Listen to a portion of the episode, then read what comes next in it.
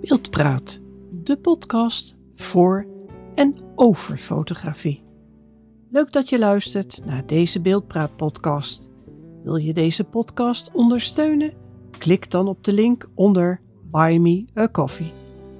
Wil je niets meer missen? Abonneer je dan nu op Beeldpraat en zodra er een nieuwe aflevering online staat, word je op de hoogte gebracht. Uiteraard kun je mij ook volgen op Facebook, Instagram en andere social media. Verdere info over deze podcast staat in de tekst. Heel veel luisterplezier. Mijn gast in deze aflevering van Beeldpraat is fotocoach Diana Bokje. En behalve dat ze fotocoach is, is ze ook nog uh, fotodocent en mentor. En ik ga haar eens even vragen wat het allemaal inhoudt. Welkom uh, Diana. Leuk dat je in mijn podcast wilt zijn. Ja, super leuk dat je me hebt uitgenodigd. Ik uh, voel me vereerd, dus ik vind het leuk om uh, samen in gesprek te gaan. Oké. Nou, um, om met de deur in huis te vallen, fotocoach. Ik heb wel voetbalcoach en tenniscoach, maar fotocoach. Kan je daar wat meer over vertellen? Ja, dat is ook de reden waarom ik mezelf fotocoach noem. Toen ik uh, een paar jaar geleden voor mezelf begon, toen waren er coaches in van alles, maar er waren nog geen fotocoaches. Toen dacht ik, ja, wat doe ik eigenlijk? Ik begeleid fotografen met hun vragen. Uh, uh, soms om een boek te maken en te editen. Soms om een nieuw project te starten en samen te brainstormen. Soms om gewoon een eigen stijl te herkennen. Soms om uh, zelfvertrouwen te geven. Uiteindelijk maakt niet uit met welke vraag iemand komt. Uiteindelijk gaat het altijd om meer zelfvertrouwen als fotograaf. Dus toen dacht ik, eigenlijk ben ik ook een soort coach, maar dan op fotografiegebied. Dus toen heb ik mezelf fotocoach genoemd. Nou, inmiddels zijn er meer fotocoaches in Nederland. En uh, ja, ik vind het wel een uh, mooi beroep, want je bent altijd met fotografie bezig. En met ja. mensen. En die combinatie vind ik heerlijk. Ja, je zou je ook nog een keer uh, fotofluisteraar kunnen noemen. Want dat is tegenwoordig ja. ook in. Ja, wie weet. maar dan moet je naar de foto's luisteren en dan zeggen hoe de foto's zich voelen. En ik voel me toch iets meer thuis bij de, hoe de fotograaf zich voelt. Oké. Okay, Zou maar een fotografenfluisteraar komt... moeten worden. Ja, ja gaandeweg uh, het gesprek komen we daar denk ik ook nog wel even op, op uh, of je een foto kan proeven of zo. Dus uh, jij bent in een fotografienest geboren. Waren jouw ouders ook fotograaf? Ja, mijn vader die, uh, was heel fanatiek amateurfotograaf. En zelfs mijn opa had al een camera, dus die fotografeerde.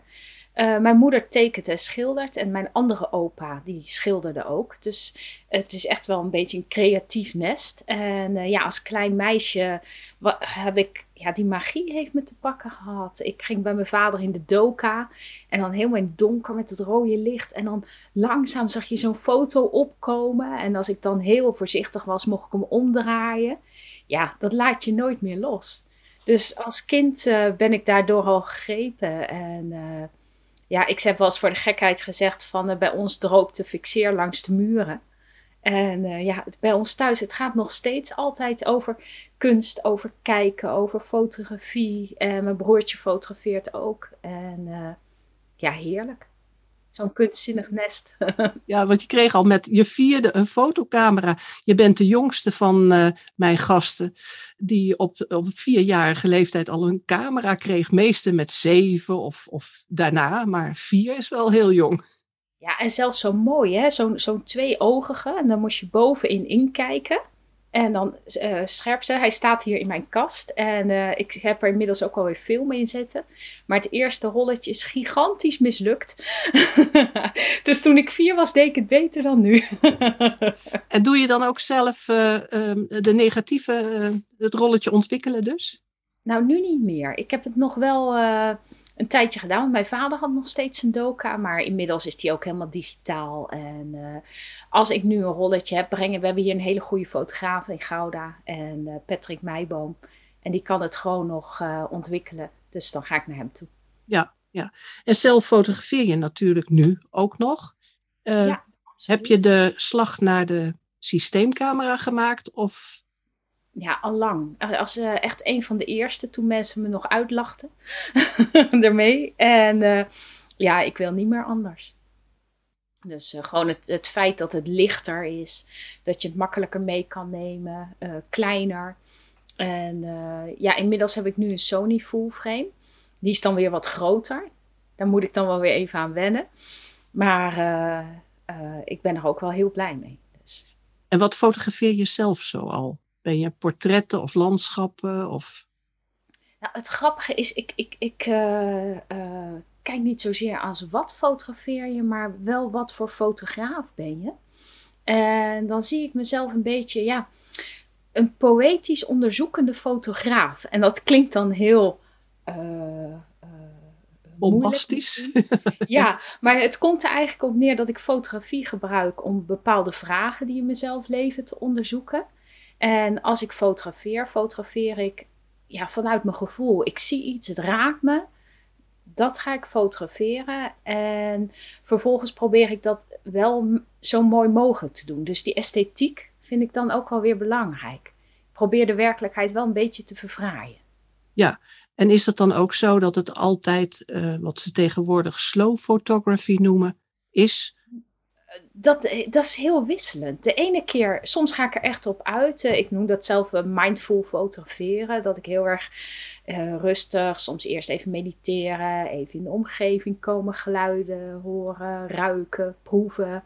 En ja, dan kijk wat er op mijn pad komt. En de andere, ik heb ook wel dingen dat ik echt gericht ergens heen ga, maar dan ga ik ook wel op mijn gevoel fotograferen. En soms zie ik gewoon iets wat ik gewoon heel mooi vind en dan ga ik gewoon lekker fotograferen.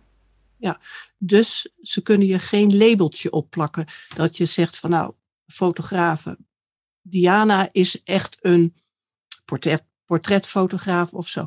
Moet het altijd zo zijn dat een fotograaf een bepaald specialisme in de fotografie heeft? Nou, dat is heel grappig. Aan de ene kant, uh, op het moment dat je ergens heel goed in wil worden, en je zegt ik wil gewoon de beste architectuurfotograaf worden die er is, ja, dan zal je heel veel architectuurfotografie moeten doen om daar beter in te worden. Maar ja, ik ben zelf een alleseter en ik kijk op een bepaalde manier naar de wereld om me heen. En de ene keer zie ik een hele mooie reflecties in architectuur, de andere keer zie ik prachtig licht tussen de bomen.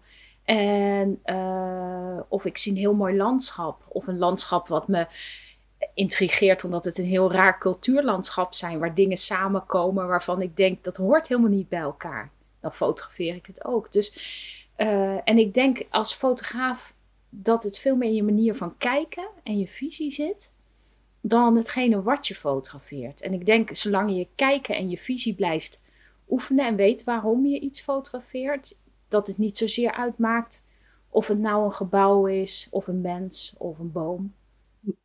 Ja, want je hoort veel fotografen zeggen, ja, je moet herkenbaar zijn. Je moet precies uh, de manier hoe je belicht, of welke filter je gebruikt, of dat je handtekening erop staat, zoiets. Ja, die herken je ook wel. Het leuke is, ik heb ook een cursus eh, die heet Eigen Stijl. En mensen moeten dan in het begin vijf foto's meenemen. En het grappige is, ze mogen van alles meenemen. En dan zie je soms ook dat mensen een architectuurfoto en een landschap en een reisfoto en een portret meenemen. En toch herken je dan een bepaald soort stijl. Want Iedereen heeft een gereedschapkistje en in dat gereedschapkistje zitten eigenlijk, ja, daar zitten al je fotografische dingen in, je lenzen, je filters, maar er zitten ook al je vaardigheden in en de manier waarop je kijkt en hoe je gebruik maakt van perspectief, hoe je gebruik maakt van toon, uh, wat je met kleuren doet, hoe je daar naar kijkt. En dan zie je toch in al die foto's zie je een soort eenheid zitten. En dan maakt het dus niets uit wat het onderwerp is, maar wel wie de fotograaf is. Oké, heel duidelijk. Ja, ik ben ook een alleseter. Dus uh, ja, als ik veel fotogra uh, vogels fotografeer, wil dat niet zeggen dat ik dat alleen maar kan. Nee, want je kan kijken. En als je kan kijken en je weet wat je wil, kan je alles fotograferen. Heb je zelf ook een, een, een voorbeeld waar je aan, nou ja, spiegelt wil ik niet zeggen, maar een docent of een beeldmaker of een fotograaf dat je denkt van hé. Hey. Op dit moment uh, ben ik helemaal in de ban van Alba Han Cabrera. En dat is eigenlijk een duo, een Spaans duo, die samen fotografeert. En uh, ze zijn Spaans, maar ze fotograferen helemaal zoals de Japanse fotografen doen. En er zit enorme esthetiek en schoonheid in hun foto's. En er zit ook. Het raakt me op een bepaald gevoelsniveau. Als ik er naar kijk, doet het iets van me binnen. Ik voel ze in mijn buik, zeg maar. En ja, dat is degene op dit moment waar ik helemaal uh, weg van ben. Maar ja, ik merk wel dat als je zelf weer ontwikkelt of je gaat zelf weer andere dingen doen, heb je soms ook wel weer andere fotografen. Maar die Japanse fotografie uh, doet wel iets. Ook Rinko Kawauchi, die doet meer de schoonheid van het alledaagse, hele gewone simpele dingen. Uh, van bijvoorbeeld je gootsteen of een, uh, uh, het licht door het gordijn, wat ineens je oog, waar je oog op valt. Ja, dat vind ik ook geweldig. Nu is het ook zo, jij hebt een stappenplan ontwikkeld of gemaakt, of hoe je het ook noemen wil. Dat heet dan van maken tot raken en in 50 stappen van foto naar fotoprojecten. 50 stappen kon het niet een paar stapjes minder. um, ja, nou, eh, toen ik begon had ik geen idee hoeveel stappen het zouden worden. Ik had alleen zoiets. Uh, ik wilde beginnen met een boek wat eigenlijk niet zozeer ging over wat je fotografeert en hoe je het al fotografeert. Want daar zijn al zoveel boeken van. Maar een boek wat heel erg gaat over jou als fotograaf. Wat vind jij eigenlijk belangrijk? Hoe ontwikkel je visie? Hoe ontwikkel je eigen stijl? Uh, op wat voor manier fotografeer je en kijk je en wat, wat, wat past bij jou? En toen dacht ik, dat klinkt allemaal een beetje vaag misschien of zweverig. Ik denk, dus ik moet dat concreet maken. Dus toen dacht ik, dan maak ik een stappenplan. En uh, ja, aan het eind van het boek bleek het 50 te zijn. en uh, dat is het dan. En dan, dan moet ik daar ook nog in uh, bekennen dat er soms de meeste stappen best wel grote opdrachten zijn. En uh, er is één stap waar mensen heel blij van worden. Dat is de stap: laat het een week liggen en geef het even rust. Nou, daar worden, dat zijn mensen me heel dankbaar voor. ja, ik zei de titel verkeerd. Het is in 50 stappen van idee naar fotoproject. Dus niet van foto naar fotoproject, maar van idee naar fotoproject. Dat is wel even belangrijk om dat te zeggen.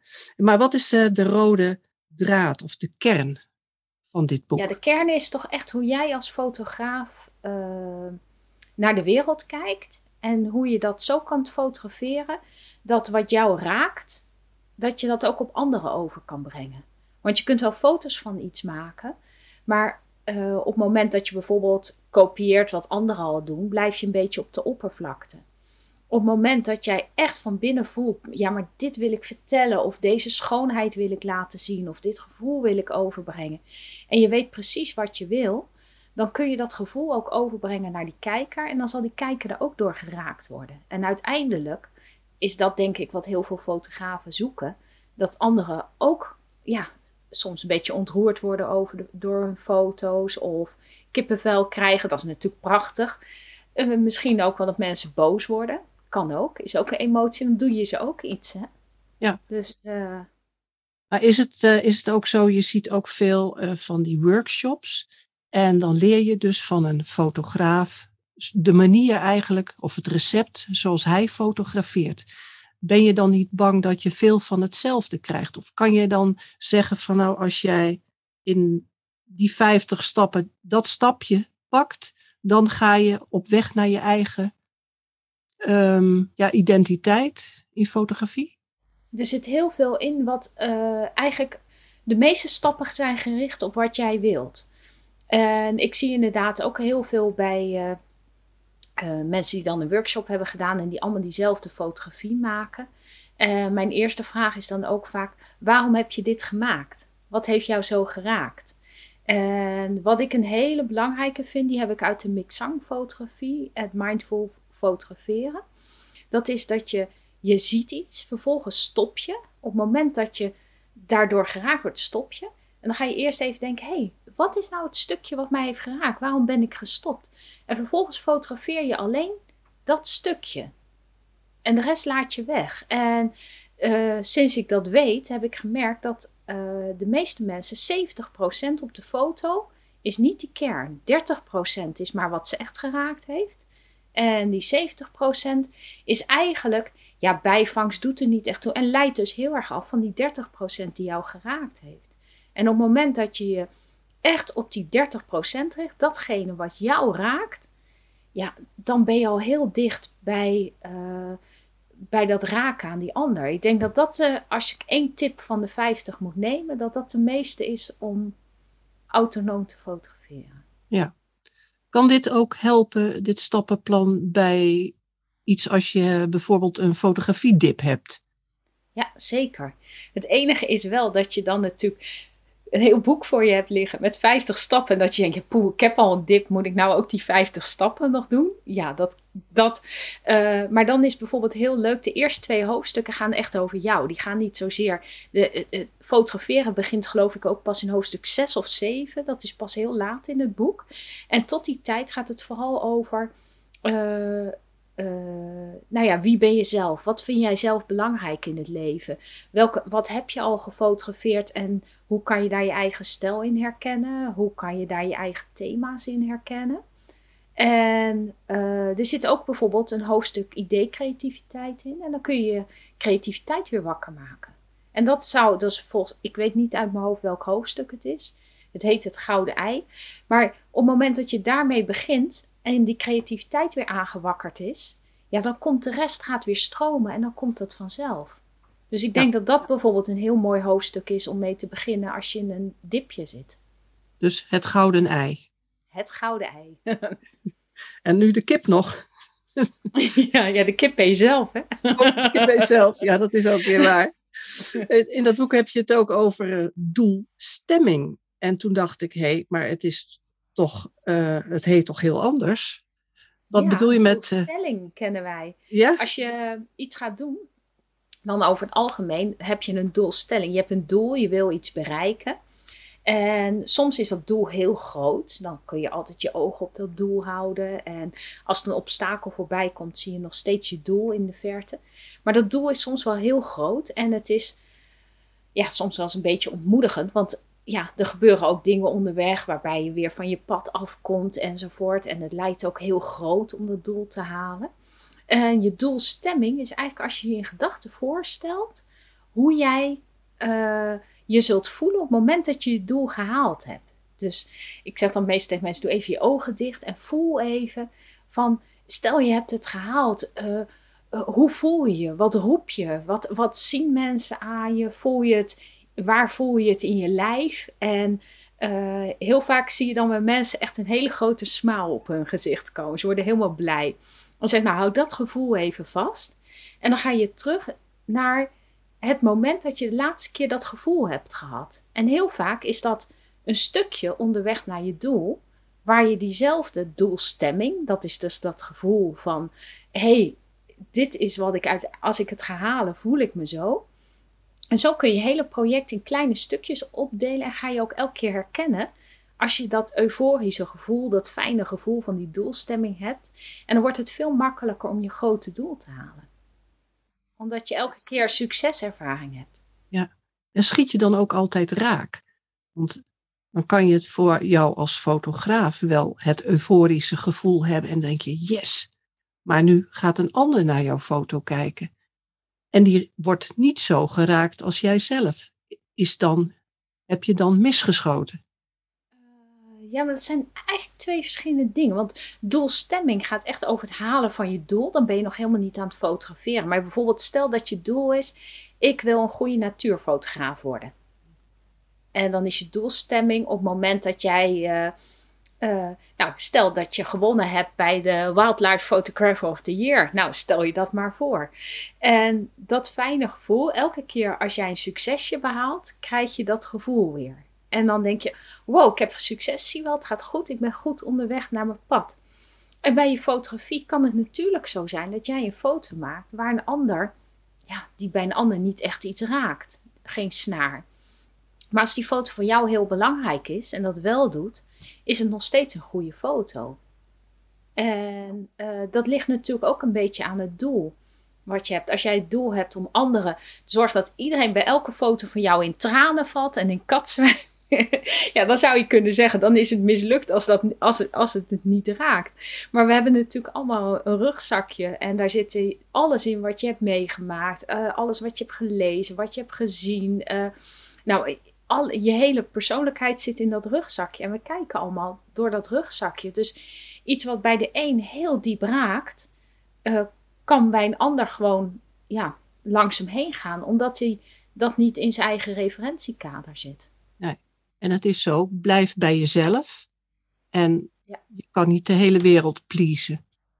Nee, en ik denk ook niet dat dat je doel moet zijn. Ik denk dat je, als je doel is om iets te bereiken wat je zelf belangrijk vindt en wat je zelf wil bereiken, dat het niet zo heel erg uitmaakt wat anderen daar dan vinden, van vinden, want het vindt zijn weg dan toch wel. Ik denk als het echt iets betekent, komt het vanzelf wel ergens terecht. En dat niet iedereen dat dan mooi of goed vindt.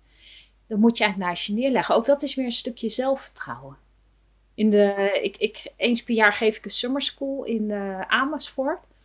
En dan gaan we een week lang daarmee aan de slag. Juist dat stukje zelfvertrouwen en dat je uiteindelijk jij moet maken waar jij blij van wordt en wat jij mooi vindt. En dan zit er iets in wat, wat zo eigen is, dat het daardoor juist kracht naar buiten heeft. Mhm.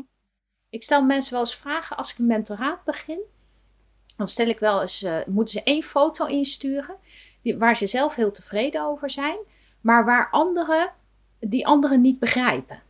En dan gaan we daarover praten in die eerste les. En dan zeg ik nou, wat zeggen anderen dan? Ja, ik heb hem eigenlijk niet aan anderen laten zien, maar ik denk dat ze zo en zo reageren. En dat is dus al heel grappig, want uh, zij gaan al voor een ander invullen dat er waarschijnlijk iets is waarbij die niet raakt. Nou, bij de summer school doen we dat ook. En dan merk je dat juist die foto vaak degene is waar het haakje aan zit, waar anderen aan blijven hangen, waar anderen iets mee hebben. En dat ze uiteindelijk, uh, dat dat misschien wel de meest sprekende foto is.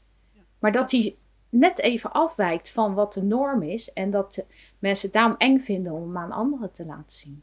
Ja, nou, ik heb zelf wel eens, dan laat ik een foto zien waar ik heel euforisch over ben. Dat ik, had ik ook een yes-gevoel toen ik afdrukte, zal ik maar zeggen. En dan laat ik het aan, aan, iemand zien, dus die geen verstand heeft van foto. Maar dan hoop ik wel dat die, dat die persoon ook zegt, wauw, mooi gedaan.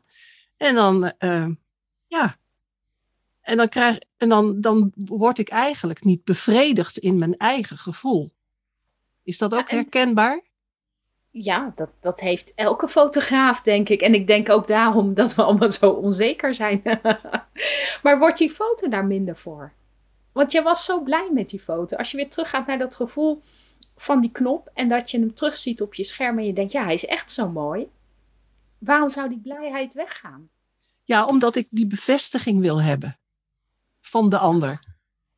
Maar is dat altijd heel. Hoe, hoe belangrijk is dat?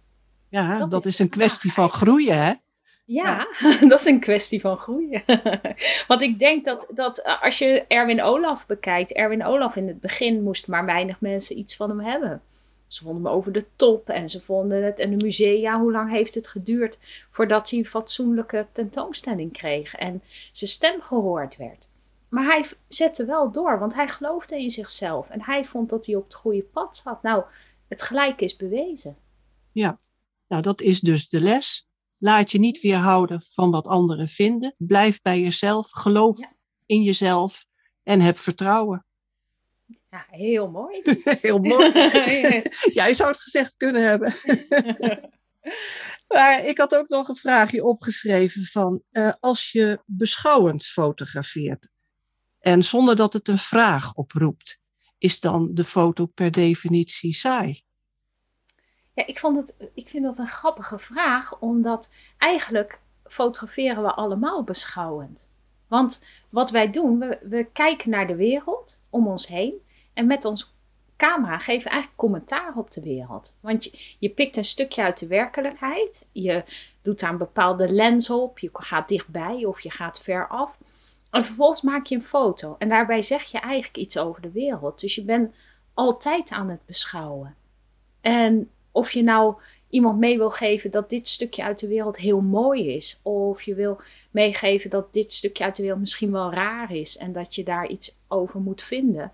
Of je wil het gewoon fotograferen als feit van, nou, dit, dit is zoals het is. Hier ben ik geweest op vakantie en ik vond dit een uh, fijne plek, bijvoorbeeld. Of uh, uh, dit was een demonstratiepunt. Ja. Dat kan allemaal. Ja. Ja, je kan het ook uh, vastleggen voor het nageslacht en als een soort geschiedschrijving. Ja, dat zei Eddie Wessels hè, in, de, in zijn interview. Ja, klopt. Ja, klopt. Je hebt geluisterd. Ja, ik heb geluisterd. Ik vond een mooi interview. ja, ja, precies. Um, dan, is, dan is het ook zo. Kijk, kan je dan ook een foto ruiken, proeven, ja, voelen? Ik, uh, ik gebruik dat uh, in het, uh, dat hoofdstukje weer over het gouden ei, die idee-creativiteit. Je kunt ook heel goed je zintuigen gebruiken om om een foto te verrijken. Vaak als je een idee hebt voor een foto, dan is dat idee al bijna af, maar je kan altijd kijken of je nog een stukje dieper kan. En dan zou je bijvoorbeeld met je zintuigen kunnen kijken naar, als ik nou aan mijn onderwerp denk, hoe zou mijn onderwerp klinken? Uh, als mijn onderwerp een stem zou hebben, in welke taal zou die spreken? Als ik het zou kunnen proeven, is het dan bitter of is het zoet? En bij kleur, hoe, is het helder of is het donker? Is het warm of is het koel?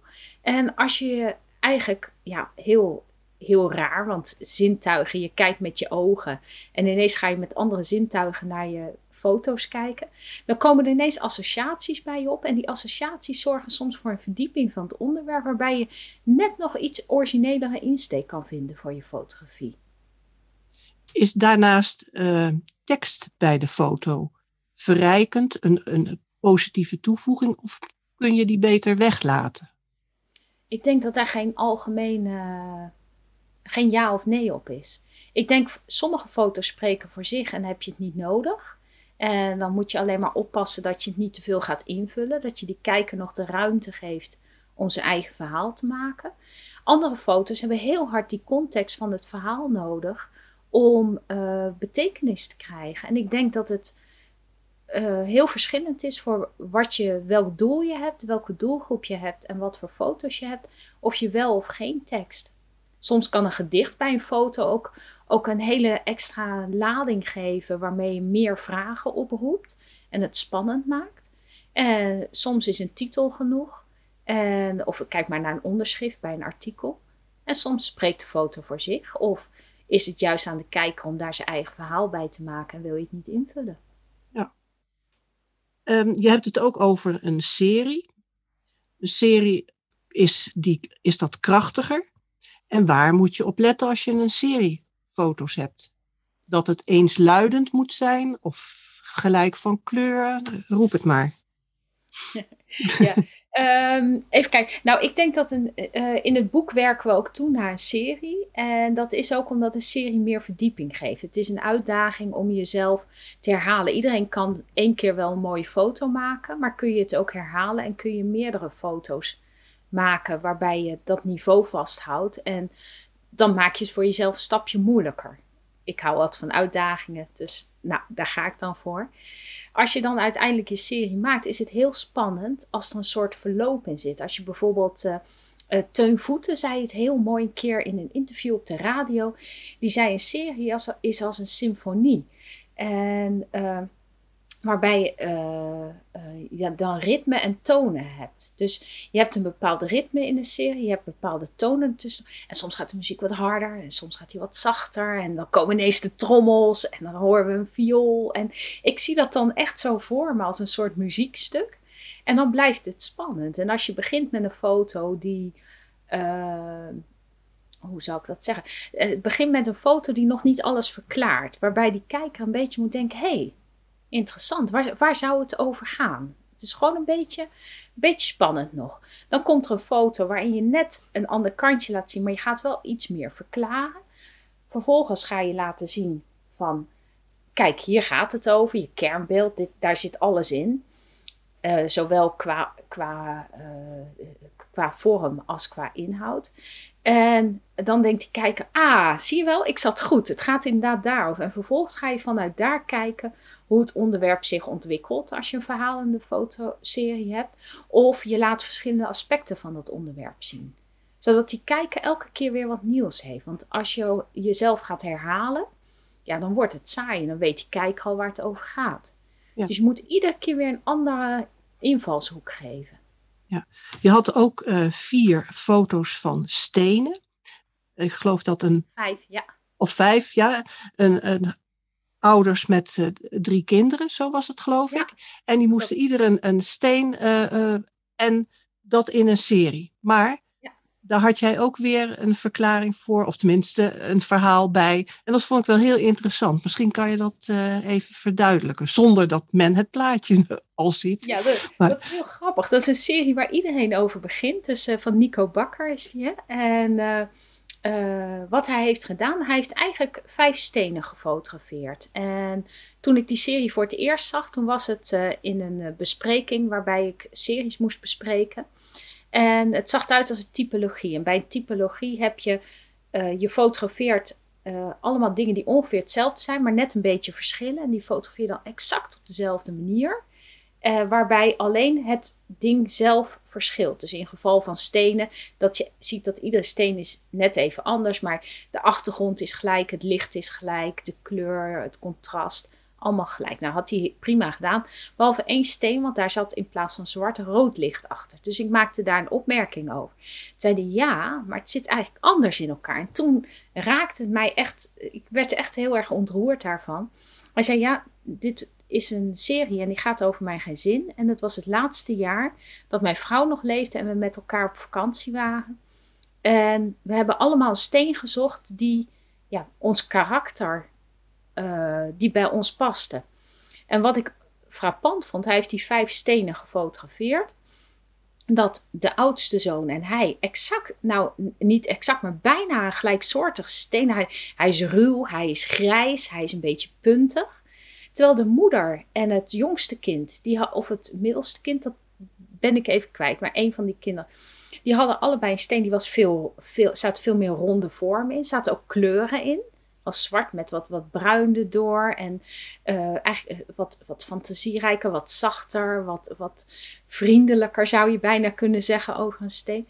En er was er één en die week af van alle andere stenen. En dat was dan het, het jongste of het middelste kind. En die had veel meer zijn eigen karakter. Terwijl dat oudste kind leek dus heel erg op zijn vader. En die jongste heel erg op, op de moeder.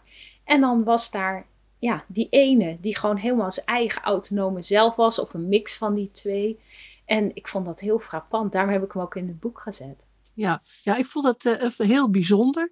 Ik uh, ga ook met mijn kinderen nu naar het strand en ik ga ze gelijk stenen laten zoeken en uh, eens kijken of ze een beetje op ons lijken. Maar nee, ik vind, vond het een, echt een hele mooie ja, serie en ook een hele mooie, mooi verhaal erbij. Dus ja, dat kan ook nog. Mij ook echt. Ja. ja. Ja, terwijl de foto's op zich, zou je kunnen zeggen, heel saai zijn. Ja, het zijn gewoon studio-opnames van vijf stenen. Op dezelfde manier gefotografeerd. Maar dan heb je dat verhaal nodig, want zonder dat verhaal uh, raakt het niet. Nee, dan weet je niet van wat er bedoeld wordt. Dus dan is dit een, een echt een toevoeging, of dat hoort er echt bij. Ja. ja. Heb je ook wel eens meegemaakt dat uh, een beeld te krachtig is? Dus een, een krachtig beeld dat het eigenlijk te is. Dat hij over de top is. Ja, en dat kan in alles zijn natuurlijk. Je kan ook in een oorlogsgebied hebben dat je zegt van nou ja, dit beeld is zo krachtig. Dit is ja, alleen maar voor mij. Ja, en is het dan krachtig? Want ik denk als een beeld krachtig is, dat het altijd goed is.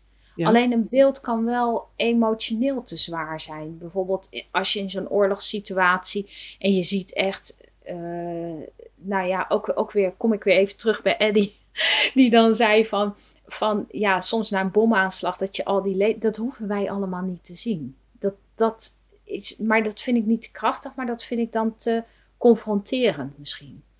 En terwijl op het moment dat je zo'n oorlogssituatie, gisteren had ik het even met, met iemand over een foto uh, die een paar jaar geleden bij de World Press zat.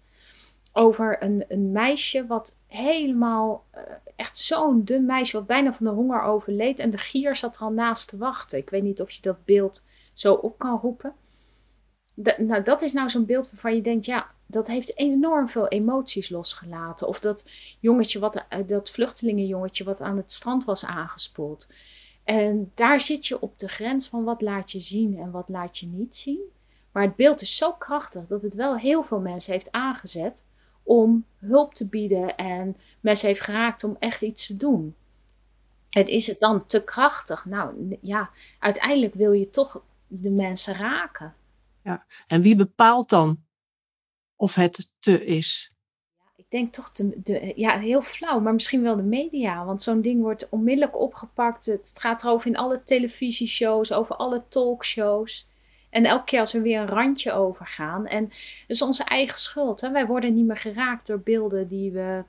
Uh, de gewone, ja, het klinkt heel erg. De gewone erge beelden. Laten we het hebben over bijvoorbeeld vluchtelingenkamp. De gewone foto's daarvan, die hebben we al zoveel keer gezien. Daar loop je gewoon langs en je denkt, oh, vluchtelingenkamp. Dat is heel erg, maar dat gebeurt. Nou, je hebt nu dat project Now You See Memoria. En daar uh, hangt in een aantal museums, uh, musea hangt dat. En daar is ook een filmpje bij. En in die film hoor je ook het geluid van het klapperen van de wind. En uh, dan staan er een paar van die dixies, want het waait daar heel erg aan het strand. En dan klapt elke keer met een rotgang, klapt die dixie dicht. je ziet mensen helemaal koukleumend en bibberend voorbij komen. Terwijl er ook mensen in hun blootje staan te douchen daar. Gewoon zonder muren, niks in die kou. En ineens komt dat weer binnen. En wij zijn natuurlijk best wel afgestompt voor sommige journalistieke beelden. En zolang we, als wij niet meer gaan reageren, ja, dan wordt die grens steeds opgeschoven. Ja. Dus eigenlijk zouden we moeten kijken hoe we onszelf wat medemenselijker weer kunnen maken. Dan is het niet nodig. Ja, maar daar is dan uh, van maken tot raken weer handig voor. Dat de fotograaf leert om mensen te raken, maar dan op een ja, positieve manier. Ja, dat is heel mooi. Eh, dat zou heel mooi zijn. Ja, nu hebben we dan stappenplan gedaan. En dan, wat we dan ook nog wel hebben, dat is, heb je heel veel foto's, honderden foto's. En dan moet je uit die foto's selecteren. En nou heb ik altijd uh, ja, ik kan niet weggooien, want dan denk ik, ja, zonde om weg te gooien, weet je wel. Maar ja, je database wordt groter en groter. En eigenlijk moet je jezelf aanzetten tot van, nou, die vind ik goed. Nu werk ik dan met sterretjes. dus ik weet niet of je het kent in Lightroom. Uh, maar hoe gaan we ermee om? Nou, ik ben altijd een voorstander van nooit iets weggooien. Dat sowieso. Dus, dus uh, bewaar het, want je, je groeit als fotograaf. En het grappige is, dat de foto die je nu gemaakt hebt en waar je heel blij mee van kan zijn, als je later, een paar jaar later terugkijkt en je kijkt in je archief, kom je ineens een foto tegen waarvan je denkt, goh, waarom heb ik het toen niet naar? Die is eigenlijk veel beter, die spreekt me veel meer aan. Dus ik zou zeggen, vooral niet, niets uh, uh, weggooien. Wat ik altijd doe, ik maak kleine printjes. Dus ik, ik maak een, een eerste selectie in Lightroom. Doe ik inderdaad uh, zeg maar het soort sterretjesysteem. En uh, daar maak ik allemaal kleine printjes van. En die stuur ik gewoon naar zo'n fotowinkel waar je de 100 voor een tientje hebt of weet ik veel. En dan krijg je allemaal van die kleine fotootjes. Die ga ik vervolgens allemaal uitsorteren. En dan heb ik een wall of fame en een wall of shame. En op de wall fame komen degenen waarvan ik gelijk zeg, oh die zijn fantastisch. En op de wall of shame komen degenen waarvan ik denk, nou dat is het toch niet helemaal. En dan is het interessante dat als je dat een tijdje laat hangen, dat je soms van die foto's op die wall of shame hebt, waarvan je denkt, hé, hey, ik doe ze toch op die wall of fame, want er zit toch iets interessants in voor mij. En soms op de wall of fame, dan ben je op sommige wel uitgekeken en die gaan dan naar shame. Maar het zijn die foto's die heen en weer wisselen, waarvan je dan kan afvragen: hé, hey, er zit iets in die foto, wat ik kennelijk nog niet heb in het hele proces. Maar wat me wel boeit, maar hij is nog niet goed genoeg. En op het moment dat je ontdekt wat nou datgene is, wat jou elke keer zorgt dat je toch weer die foto pakt, ja, dan kun je daar een nieuwe foto van maken die het allebei in zich heeft. En zo kun je je serie weer versterken. En ja, je moet altijd iemand uitnodigen. Gewoon, ik heb mijn moeder daarvoor. Mijn moeder is fantastisch. Die is heel streng in dat uh, opzicht. En die kan heel goed helpen met editen. En vragen stellen. Waarom zit die foto erin? En uh, hoort hij er wel in, want uh, je hebt al dat of dat. Of, uh, en uh, die is ook feilloos in je darlings te uithalen. en hoe harder jij gaat verdedigen dat die er echt in moet, hoe meer het vaak een darling is die eigenlijk zorgt dat hij de rest over, overvleugelt. Want die is vaak zo goed dat de rest daardoor niet meer te sprake komt. En dan kan je beter die ene hele goede foto heel groot aan je muur hangen, maar niet in je serie. Want je serie moet toch een soort gelijk niveau en gelijk iets hebben. Er moet eenheid in komen. Samenhang. En ja, daar heb je gewoon iemand voor nodig. Want uh, voor jezelf uh, uh, is dat heel moeilijk. Ja. Wij moeten allemaal eens even jouw moeder lenen. Dus eigenlijk voor ja, het selecteren ja. van foto's. ik zal op mijn website zal ik zeggen, bel mijn mama. dan, dan komt het helemaal goed. Ja. Het, het het ultieme natuurlijk van fotograferen is misschien wel het presenteren van je werk als fotograaf. Is dat de ultieme afronding, denk je? Uh, voor veel fotografen wel. Uh, niet voor iedereen. Er zijn ook mensen voor wie dat helemaal niet is. Die gewoon het, het, proces van het fotograferen heel leuk vinden. Het doen. En daar gewoon hun ontspanning. Daar is de camera eigenlijk misschien ook wel gewoon een uh, excuus om bijvoorbeeld het bos in te gaan. En dat je zonder camera niet gaat wandelen en met camera denkt: Oh, ik ga lekker fotograferen en dan ga je dat bos in. Ik denk voor die mensen dat het niet zo, uh, zo heel belangrijk is.